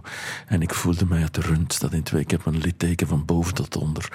Uh, nu is het beter, maar in het begin vond ik dat ook zo verschrikkelijk, dat dat uh, grote, die grote oorlogswonden in, mm -hmm. in mijn lijf. Eh, ik heb een tijdje niet in het bad durven gaan, omdat ik dacht, dan splijt dat helemaal open. Dan drijven mijn darmen tot, tot, tot, tot boven het bad. Enfin, ik weet dat dat niet waar is, ik ben een dokter, ik ken dat wel. Maar toch was dat zoiets irrationeel. En ik voelde me heel erg in dat schilderij van Bacon. Ja zeker, ja. Zijn er boeken die je nu hebt gelezen waar je eindelijk tijd voor had, of is dat niet gelukt? Nee, in het begin kon ik niet lezen. Dat was uh, zeer ambetantig, want, want uh, ik lees altijd heel veel. Ja? Ik ben een altijd lezende mens. Ik lees vijf boeken tegelijk. En uh, ik, dat ging niet. Mijn hersenen waren, waren verdoofd of, of stil, lagen stil. Dus dat ging niet. En dan heb ik... ik heb dan van een, van een vriendin een heel mooie graphic novel gekregen. Maar fantastisch was dat. was heel mooi, van Joris Mertens. Uh, was een ontdekking. Ja, ja, en dus daar stonden geen woorden in, alleen beelden. Dat ging. Dat is, dat is van het eerste dat ik gezien heb. Zo. En dan uh, poëzie, korte gedichten, zo, toegankelijke poëzie. Uh, dat ging dan ook stilletjes aan. Zo bouwde zich dat op, kort verhalen. Julian Barnes, kort verhalen, zo bouwde zich dat op. Films en, kijken, heb je heb je wel gedaan? Ja, ja, wel, ja, ik, ik kijk normaal uh, geen televisie of, of zo, films, uh, dat schiet er een beetje over. Maar toen had ik wel, ik was dan thuis en dan keken we s'avonds met mijn vrouw samen, heel erg samen, altijd samen zo, naar, uh, voor het eerst in mijn leven, naar, uh, hoe heet dat, zo reeksen. Uh, mm -hmm. zo, zo. Ik, ik, las dat je het oeuvre van de Russische uh, cineast Andrei Tarkovsky... Ah, dat ook, ja, ja, ja dat, dat ook. Ja, bekeken. Dat dit is trouwens ja, ja. muziek uit, uit Solaris. Ah ja, zeker. Ja. Ik heb al die Tarkovskis gezien. Daar had je nu de tijd ja, voor. Ja, ja, formidabel was dat. Ja? Ja, ja, Tarkovsky is formidabel. Waarom? Waarom? Ja, wel, zo enigmatisch, dat heb ik wel graag. Zo, zo heel erg gelaagd, heel erg moeilijk te begrijpen, maar fundamenteel menselijk. En ook cinematografisch heel bijzonder. Met muziek die heel belangrijk is. Vaak muziek van Bach overigens. Ja. Zo ja. Heel fantastisch. Ja, dat heeft me veel deugd gedaan eigenlijk. Ja, ja. En zelfs als het heel moeilijk is, kan je je daarbij neerleggen? Ik kan, dat, ja, ja, ja, ik kan gemakkelijk de, de, de moeilijkheid laten. Zo. Ja, ja, dat heb ik natuurlijk geleerd in mijn vak. Mm -hmm. Het is heel moeilijk mensen te begrijpen. Maar dat een stukje kunnen loslaten en in het niet weten verwijlen, dat is heel essentieel. Mm -hmm. Dit is die muziek uit uh, Solaris. Okay. Dirk de Wachter, wij praten zo meteen verder. Radio 1.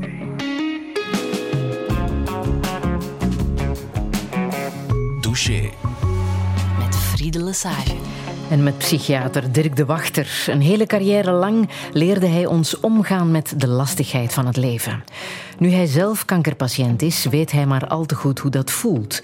Omdat gedeeld leed helend kan werken, schreef hij zijn ervaring neer in het boek Vertroostingen.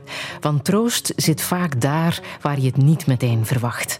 Maar hoe moet het verder? Wat geeft hem hoop? En durft hij de dood in de ogen te kijken? Dit is Touché met Dirk de Wachter. Een goede middag. Well,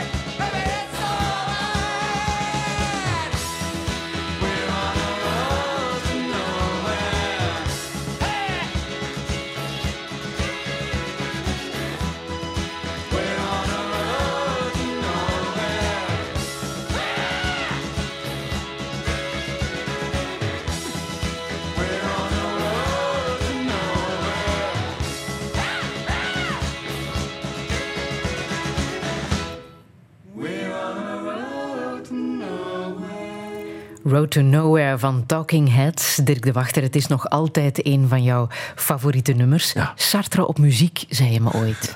Wel, dat is het existentialisme, zeg ik. Ik zag jou heel, heel eh, alert luisteren naar, naar de teksten. Luister jij nog altijd op die manier? Is dit nu Sartre op muziek? Ja, het is een beetje.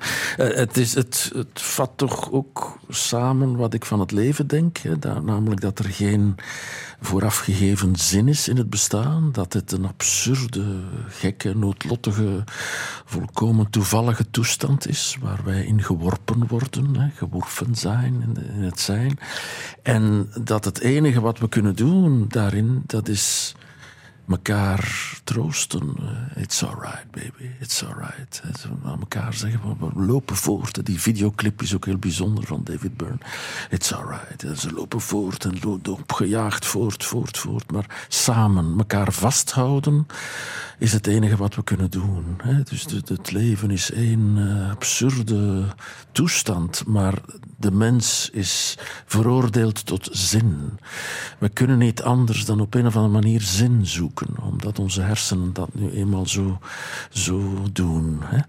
En, en dat, dat komt in die song, hoe dat zo'n popsong, ook hoe, hoe dat hij zijn stem daarin vervormt, vind ik goed. En heel dat ritme. En het begint met een soort gospelachtige toestand en het eindigt in een, een wanhopig roepen. Ja, het is grootse muziek. Een grote artiest is dat, David Byrne. Hechten wij te veel belang aan het leven? Want uiteindelijk gaan we allemaal dood. Ja, ja, maar ik pleit niet voor een soort relativisme of een nihilisme of een cynisme van het leven is maar niks en dus moeten we daar maar, maar oh, een ozel in doen of zo. Nee, nee, ik, ik, het leven is een lastige zaak en bij momenten ook heel mooi, hè? Dat, eh, dat is wel allebei zo. Maar het, wat ons te doen staat is zorgzaam met elkaar omgaan en zorgzaam omgaan met de wereld ook.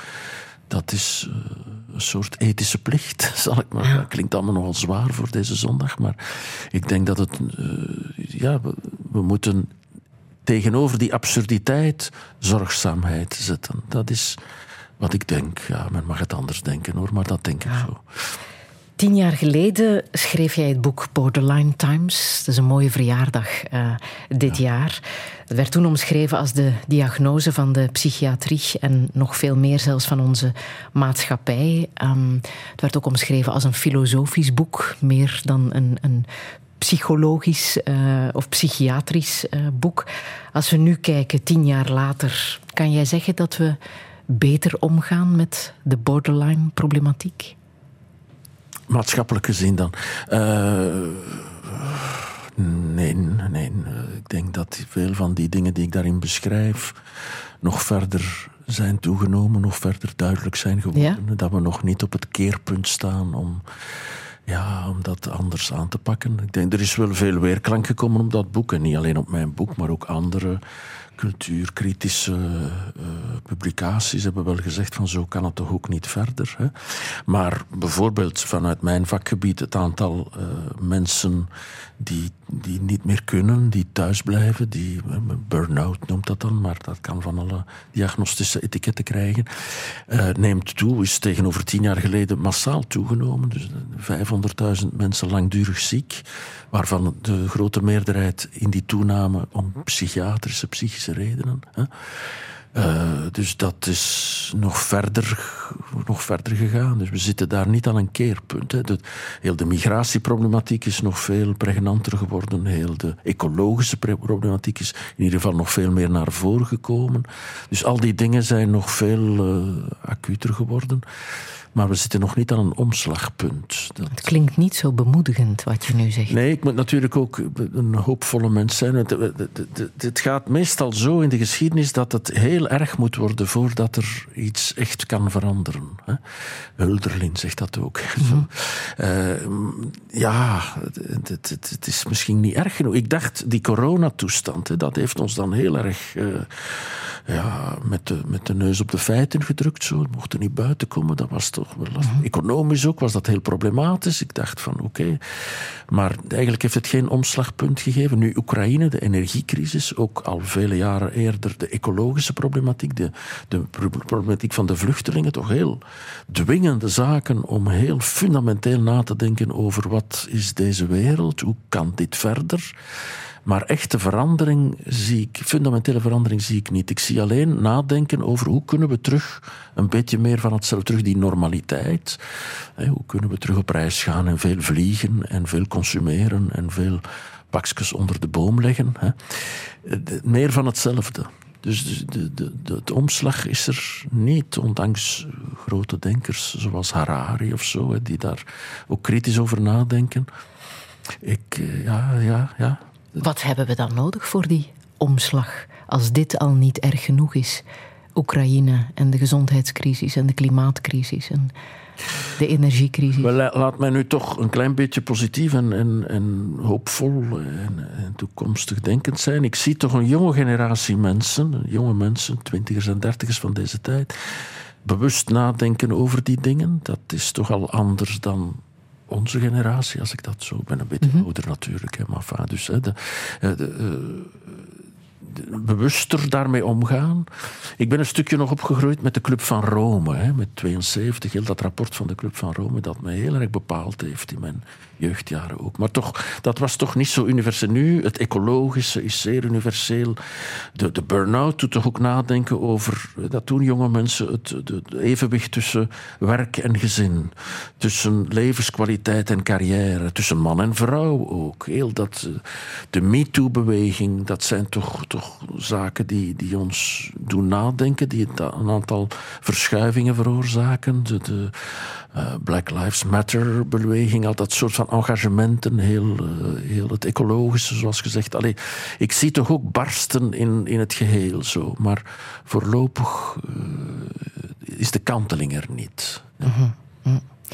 Een schrijver die ons allemaal heel erg doet nadenken, um, Michel Houellebecq. ja is de man die jou voor was hè, bij Borderline Times. Hij ja, schreef ja, wel. twintig jaar voor Borderline Times schreef hij al De Wereld als Markt en Strijd. Een boek dat uh, jou ook heel erg heeft uh, geraakt. We weten dat je hem uh, destijds hebt mogen ontmoeten tijdens een memorabel diner in zijn appartement in Parijs. Um, je hebt nog altijd contact met hem. Ja, wel terug. Dus de tijd is er geen contact meer geweest, want na Soumission is hij ondergedoken. Ja. Hij was bang dat hem iets ging overkomen.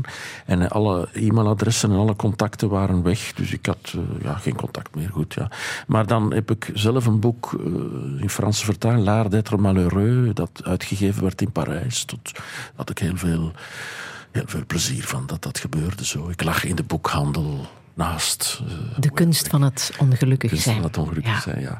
Dus, en toen, uh, via de uitgeverij uh, van mijn boek, Flammarion, en, en, en zijn boek, La Martinière en Flammarion, had ik terug contact en stuurde mij ook, dat is toch ook wel zo, hè, die man die bekend staat als een, als een onmenselijke cynicus, die stuurt mij een heel vriendelijke mail van hoe is het met u en hoe gaat het en wat hoor ik allemaal. En nog regelmatig een berichtje van wat nieuws en alles oké. Okay enzovoort. Allee, je verschiet dan soms van mensen in de goede zin. Het ja. is wel, dat is wel heel aangenaam. Ja. Begin dit jaar heeft hij opnieuw een boek uitgebracht, ja. Anéantier. Ja. Uh, voorlopig nog niet vertaald in het Nederlands, maar dat komt eraan. Er, wordt, ja, er wordt aan gewerkt. Hè? zou nu uitkomen, ja. Door Martin de Haan. Martin het is ook een pil. Maar je hebt hem al gelezen in het Frans. Uiteraard. Ik was de eerste om het boek te lezen, zeg ik altijd. Dat is natuurlijk niet waar. Maar, maar toen het boek uitkwam, was ik ook in Parijs. En ik stond uh, s morgens vroeg aan de boekhandel uh, waar, waar het verkocht werd. Want de dag ervoor was ik er ook. Het lag daar in een kartonnen doos. Maar ik mocht het niet meenemen. Er was een heel strenge... Een heel streng moratorium. Maar dan ben ik uh, de volgende dag toch erin beginnen lezen. En ik heb het traag, ik heb het gelezen. Het is, maar, ik doe wat rare dingen hoor, maar ik heb het altijd gelezen tijdens de chemo. He, dus ik moest dan een dag aan het infuus liggen, zo, of toch een goede halve dag. En dan las ik Willebek om mij te troosten. Hoewel hij zelf had gezegd, Dirk, lees het lees niet. Het nee, niet. nee, hij heeft mij streng toegesproken of toegeschreven. Hij zegt van, lees dat boek niet. Hè. Lees Arthur Conan Doyle, de man van Sherlock Holmes. Omdat het personage in het boek Anéantir krijgt kanker en gaat dood. En hij vond dat ik dat niet mocht lezen.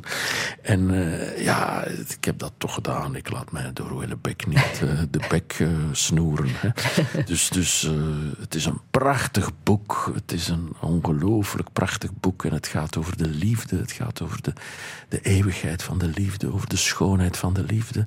En het is waar ik ook... Dus schrijft natuurlijk... Hij schrijft natuurlijk... Is een schrijver. Ik ben geen schrijver. Ik ben een psychiater die wat schrijft. Maar, maar eh, het is ongelooflijk mooi hoe hij de noodzaak en de pracht en de, de, de, de ongelooflijke eeuwigheid van de liefde beschrijft als iemand sterft en als iemand kanker heeft. Is echt het is een boek om af en toe dicht te doen en weg te leggen, omdat je niet meer verder kunt. Het is ook natuurlijk heel Houellebeckiaans. Ik bedoel, de erotiek is er goed in verweven. En, en het cynisme komt er ook af en toe in. En zo. Dat is wel zo hoor, maar de liefde overwint. En mijn stelling is dat dat in al zijn boeken eigenlijk is. Maar het is soms wat ondergesneeuwd in zijn zwarte giftigheid. Maar nu is het, het, is, echt het centrale thema. De liefde tussen al die mensen. Dat is, het is, hij schrijft fantastisch. Het is een grote man.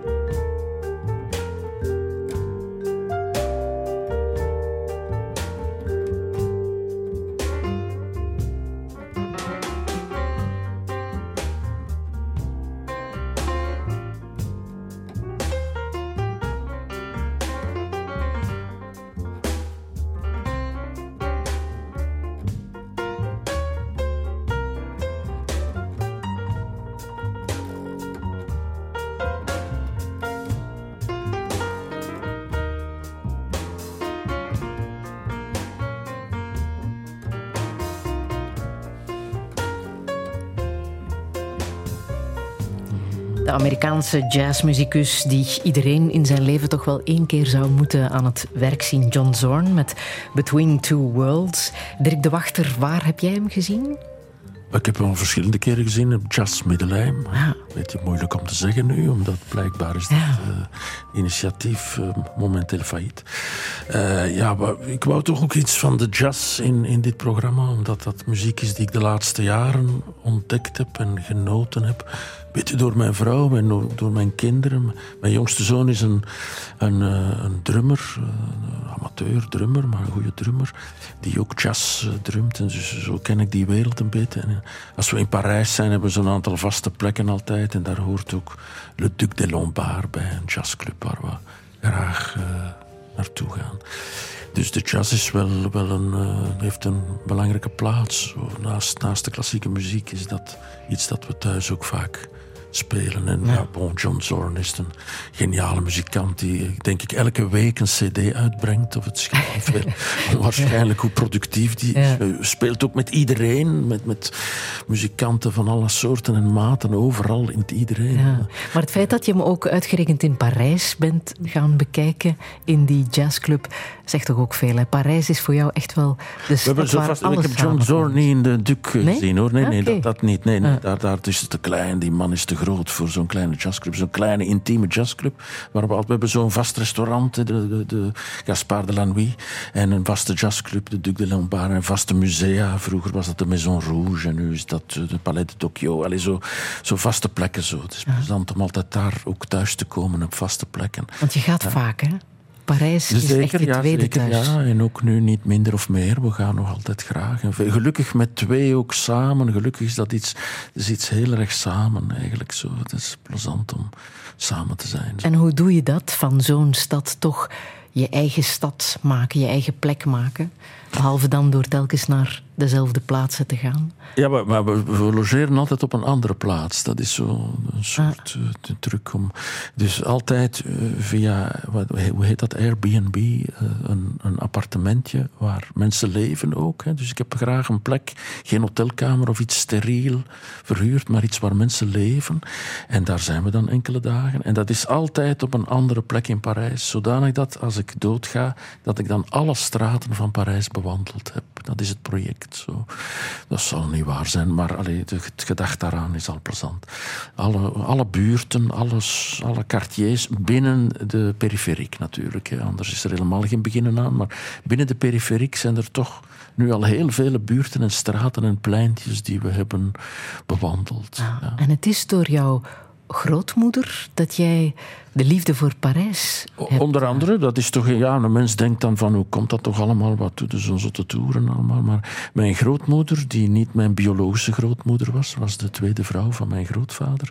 Alle andere grootouders waren dood, dus we hadden... Mijn broer en ik hadden alleen maar die ene bomma.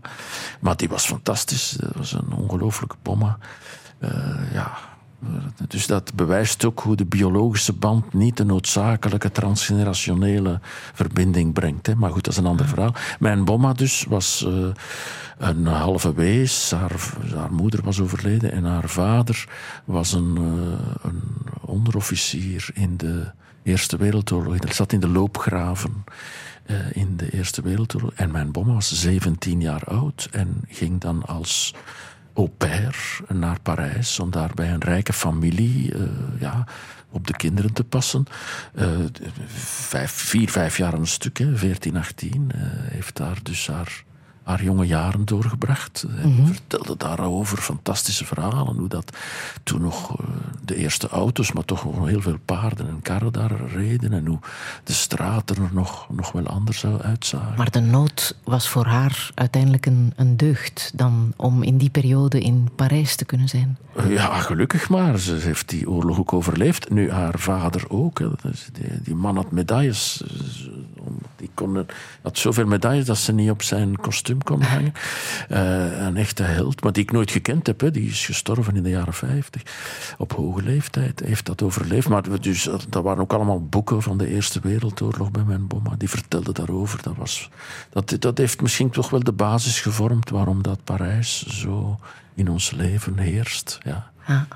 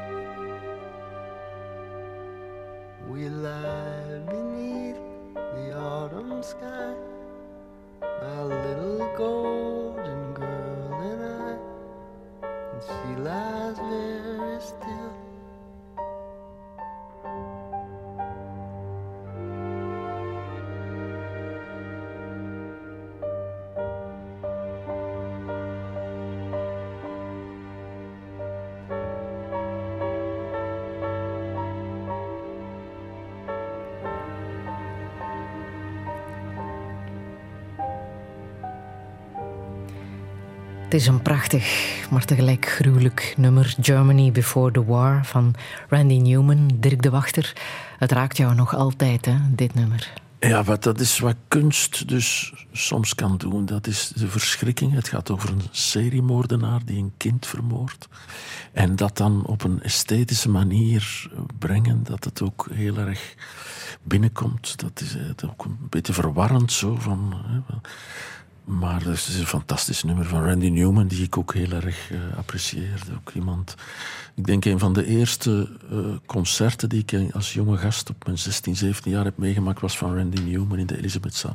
En ik eh, ga hem opnieuw opzoeken nu in de Roma in februari. Ja, hij komt, hè? Komt, ja. ja. Ja. Het, die mensen worden ook allemaal ouder natuurlijk, dus dat gaat... eh, Cohen is ondertussen dood, Dylan is ondertussen ook al op schone leeftijd. Dus ja, we worden samen ouder. Maar ik kijk er naar uit om, om, om hem te... Mijn vrouw had dat geregeld, een beetje als verrassing, belasting. Dat we daar naartoe kunnen gaan. Dat vind ik heel mooi. Ik had altijd heel graag... Ik speel dus gitaar en ik speel zo'n beetje gitaar. Ik kon de nummers van Cohen zo wel spelen, maar eigenlijk had ik heel graag altijd piano gespeeld, zodat ik had dat graag kunnen. Zo.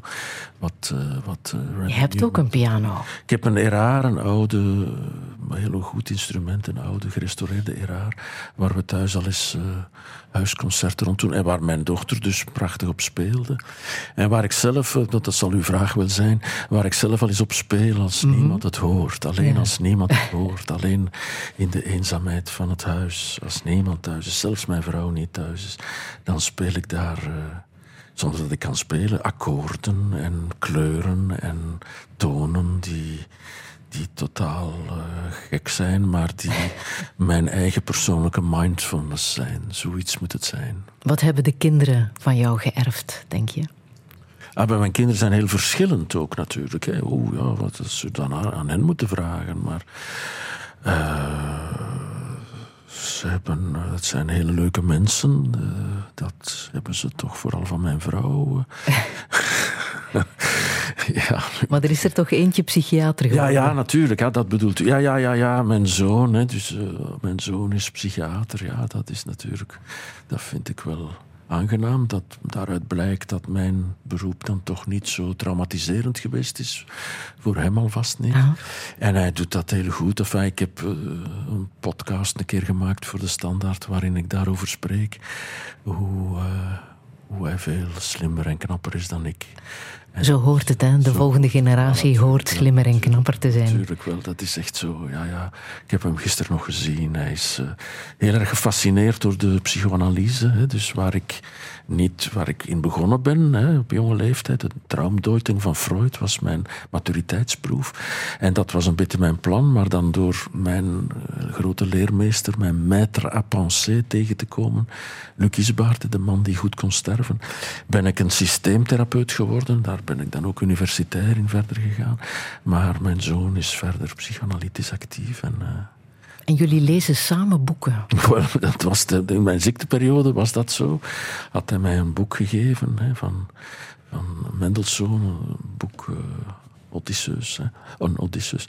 En dat boek, eh, hij had gezegd, ik heb twee exemplaren, één voor mij en één voor u, en we gaan het samen lezen. En ik Wat een prachtig idee. dat is fantastisch. Ja. Een fantastische gast natuurlijk. Ja, ja goed. En, en dan lazen we samen. Ik moest mij wat inhouden, want ik had natuurlijk veel tijd en hij heeft te druk. Maar dan lazen we zo. En, dan, en dat boek gaat over vader en zoon. En het boek gaat over Odysseus en zijn zoon en zijn vader. En eh, het, ja, het is heel ingewikkeld. En een tweede laag, dat is dat de schrijver en zijn vader ook in het boek voorkomen. En de derde laag is ikzelf met mijn zoon, of mijn zoon en ik. Zo, zo was dat heel verweven en heel liefdevol, heel liefdevol. Ja, dat is, wat- dat, kijk, zoiets met uw kinderen mogen meemaken, dat is toch een, eh, een godsgeschenk. eh, Laat het seculier gezegd zijn. Het had ook niet gekund, hè? want je hebt op je veertigste een beroerte meegemaakt. En Ja. toen ging het ook wel even niet zo goed Ja, eh, ja dat, was met een, jou. dat was een totaal andere toestand dan nu, omdat dat kort en heftig en ik dacht ik ga dood, maar ik leefde nog, dus eh, ja, dat was even ambetantig. En het grote verschil toen, dat is dat mijn kinderen nog klein waren en dat ik het heel onrechtvaardig en ik was daar heel verdrietig over. Ik zou mijn kinderen eens zien groot worden. En dat is nu dus wel het geval. Mijn kinderen zijn groot, ze zijn volwassen, ze hebben hun leven, hun persoonlijkheid, zo ik zie hoe ze zijn. En ik ben heel fier hoe ze zijn. Alle drie heel fier hoe ze zijn. Heel verschillend hoor. Wel drie heel verschillende mensen. Hoe anders zijn de andere twee dan? Ja, mijn dochter is architect. Mijn dochter ja, heeft ook twee kindjes. Dat is toch ook wel... Ja, dat is nog een ander onderwerp. Maar kleinkinderen is toch zo bijzonder ook als je stervende zou kunnen zijn. Hè? Dus mijn dochter is architect. Mijn zoon is arts en psychiater. Mijn jongste zoon is dus een drummer, maar die werkt in de reclamesector. Die maakt filmpjes, die produceert filmpjes in de reclamesector. Hij doet dat heel goed en heel graag. Ik, soms word ik gevraagd in dat reclamebureau om mijn advies te geven voor bepaalde dingen. Zo. vind ik ook heel plezant, omdat dat zo out of the box is. Dat is totaal iets anders. Hè. Reclame is nu echt wel niet wat ik doe in mijn job. Maar wel communicatie en, en, en ja, toch wel motivatie en dat soort zaken. Op welke manier kan jij hem dan helpen? Ja, hem, dus hij vraagt dan aan, hij hij produceert die filmpjes en dan zijn er dus de, de, de creatieven, heten Ja. die. De mensen die dus de ideeën hebben, die mij dan willen spreken om te zien van ja, maar we hebben nu zo'n probleem, hoe zouden we dat aanpakken, wat zouden we doen?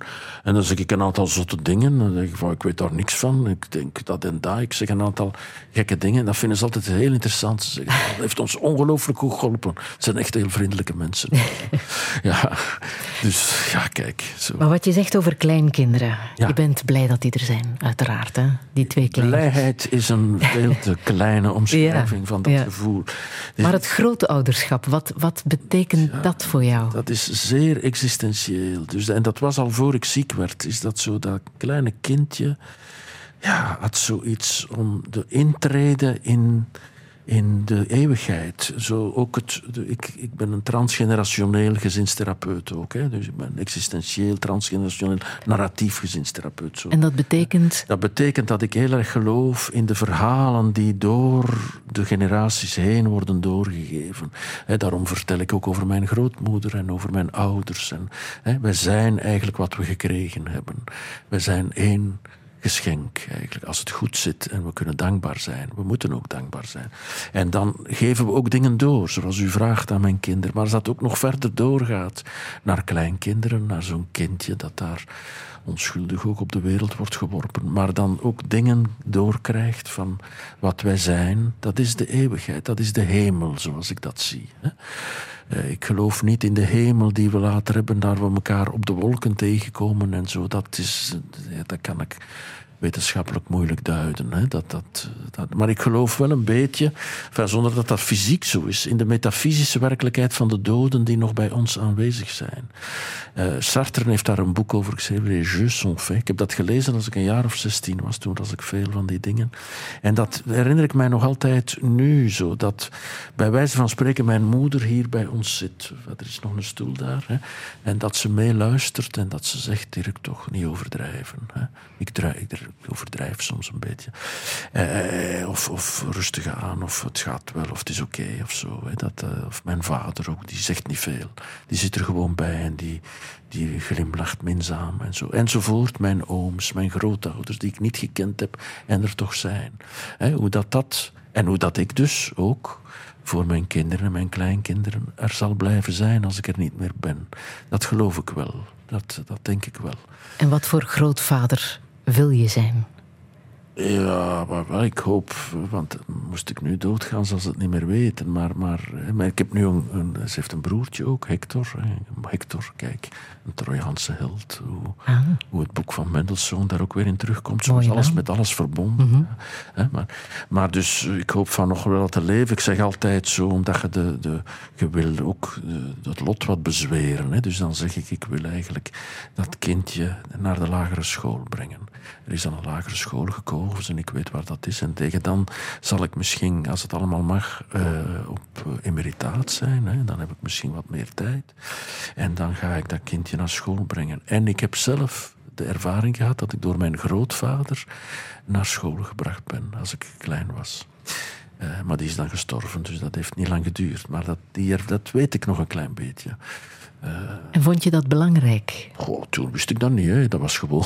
Ja. Maar achteraf, nu, nu, dus, nu, ik, achteraf denk ik daar allemaal aan. Dat verbindt zich allemaal met elkaar. Zo denk ik, dat is toch wel ook betekenisvol geweest. Hoe die grootvader mij dan naar school bracht. Daarna was dat een. Uh, een meisje van, van de buurt. Zo. Dat was ook belangrijk. Een meisje vond dat een. Ik was natuurlijk verliefd op dat meisje. Ik was zeven jaar oud of zoiets. En dat meisje was zestien jaar oud. En ik vond dat het mooiste meisje van de wereld.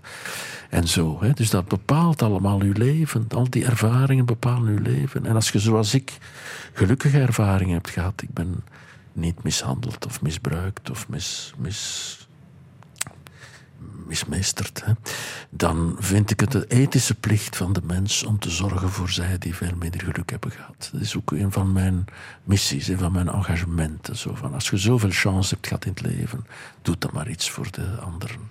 Want er is veel miserie ook. Hè. Mhm, Niet alleen in het zuiden, maar ook dicht bij ons, eh, vlak bij ons. Is mijn werk ook, hè. daar weet ik veel van. Ja. Wat zeg je tegen mensen die niet uit een gelukkig gezin komen. Vertel, zeg ik dan. Laat ons op zoek gaan naar wat er toch verbindend is geweest. Je zit hier, dus we, dat is al heel wat. We mm. kunnen erover denken. We gaan, we gaan op zoek gaan naar talenten, naar mogelijkheden, naar verbindingen, naar, naar veerkracht, naar herstel, naar al die dingen die, die toch kunnen helpen. Ja, mm. En we vinden wel wat.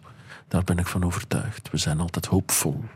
We zijn altijd niet, niet een naïef hoopvol, hè, maar hoopvol om in een gekwetst leven ook een kracht te kunnen vinden. Ja.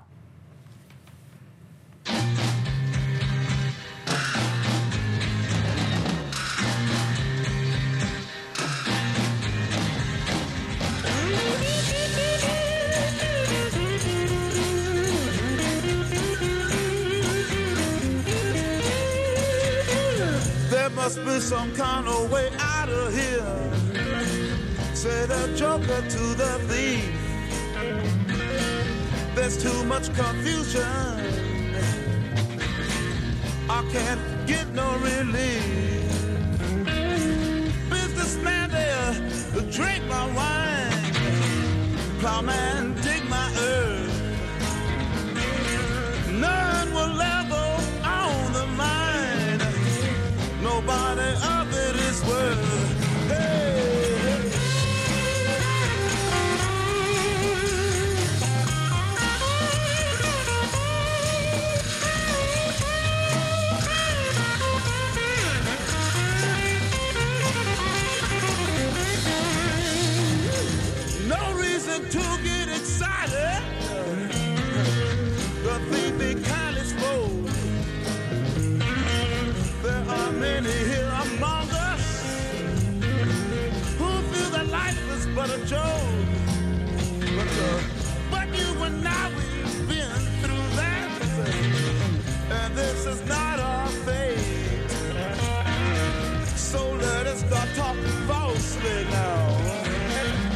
I was getting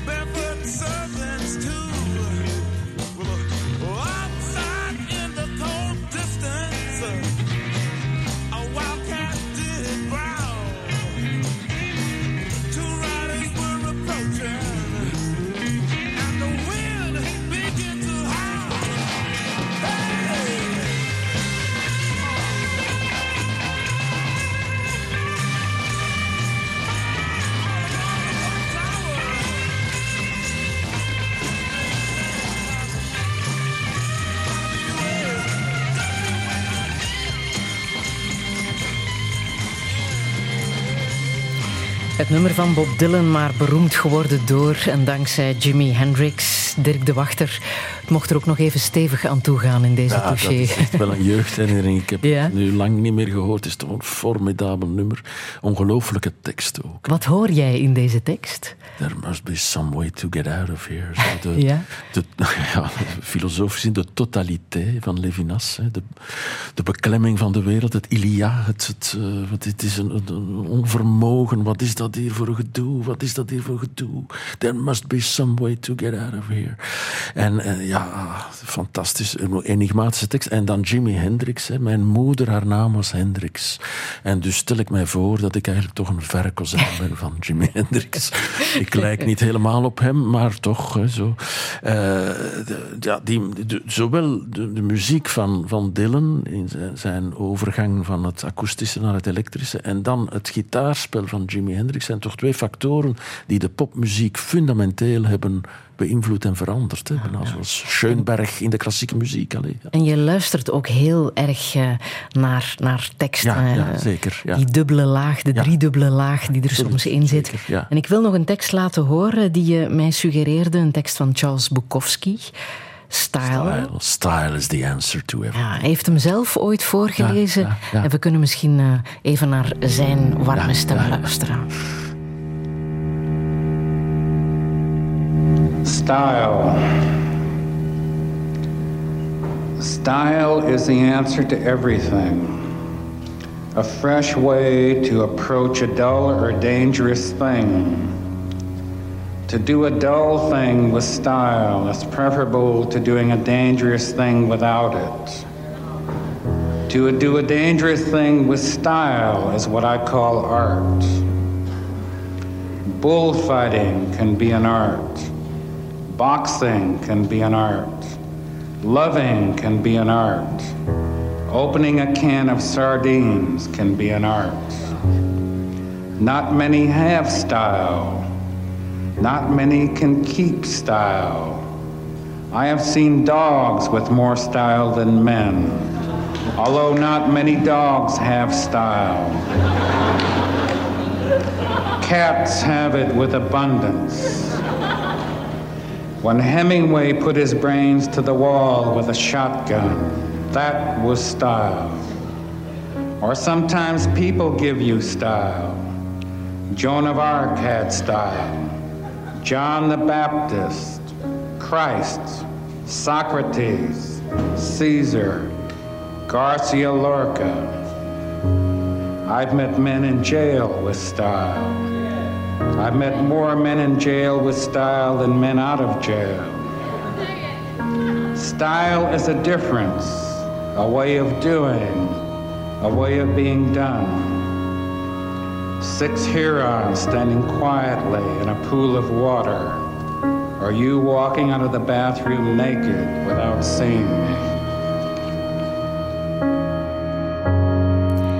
Style van Charles Bukowski. Dirk de Wachter, wat hoor jij in deze tekst? Dat is mijn all-times favorite gedicht.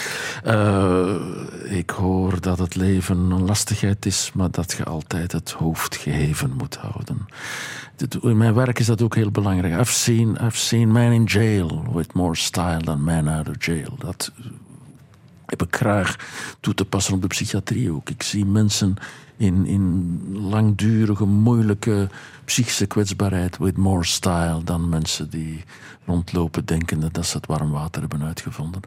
Dus, dus het is een, een lijfspreuk ook. Ik, ik citeer het ook vaak. Ik ben al eens een paar keer op tournee geweest ook met... Uh, de fantastische schilder Andrei Babenko, die tijdens eh, de poëtische evocaties schildert. Dus die kliedert dan alles vol, ook mijn kostuum. En, uh, en uh, Mauro, de geniale muzikant Mauro, die voorziet dan de soundscape. Het is een ongelooflijke ervaring dat ik dat allemaal mag doen. is fantastisch toch? De, de, dus, en dan citeer ik onder andere dit, dit gedicht, lees ik ook voor. Niet zo goed natuurlijk, maar toch, dus ik doe mijn best. Ja. Je pleit ook voor het kleine goede. Dat ja, is ja. het ook, hè? Ja, dat is het Levinasiaanse begrip kleine goede. Dat, dat kakel ik overal over. Tot, tot soms ergernis misschien van sommige mensen. Maar, en wat is dat, dat kleine goede? Ja, daar zou ik lange tijd voor nodig hebben. Het kleine goede is eigenlijk wat zich afspeelt tussen twee mensen. Dus iets kwetsbaar, iets, iets bijna... Je kunt er de hand niet op leggen, want dan is het al weg. Het is een soort nabijheid, een soort van erkenning van zijn. Een, een, een, een zorgzaamheid. Een, een, en dat kan zitten in een blik, dat kan zitten in een aanraking, dat kan zitten in een, iets, iets te doen voor een mens, even helpen om u recht te zetten. Of, of uh, in de supermarkt bij een, een klein madameke zeggen van zal ik het voor u pakken dat wat hoger staat of zo. Of, of, uh, Die vriendelijkheid. Ja, kindness, hè, dat soort van zaken. Uh, en dat is denk ik echt essentieel in het menselijk bestaan, in onze maatschappij, die goed geregeld is wat, wat betreft de geneeskunde en het sociale leven. Hè. Dat, we hebben hier een fantastische omkadering. Dat weet ik nu ook uit ervaring, hoewel het nog altijd te kortig is en dat het ook onder druk staat. Maar het belangrijkste is altijd wat, is het vlees aan dat geraamte. Het feit dat we als mensen onder elkaar ja, elkaar zien staan.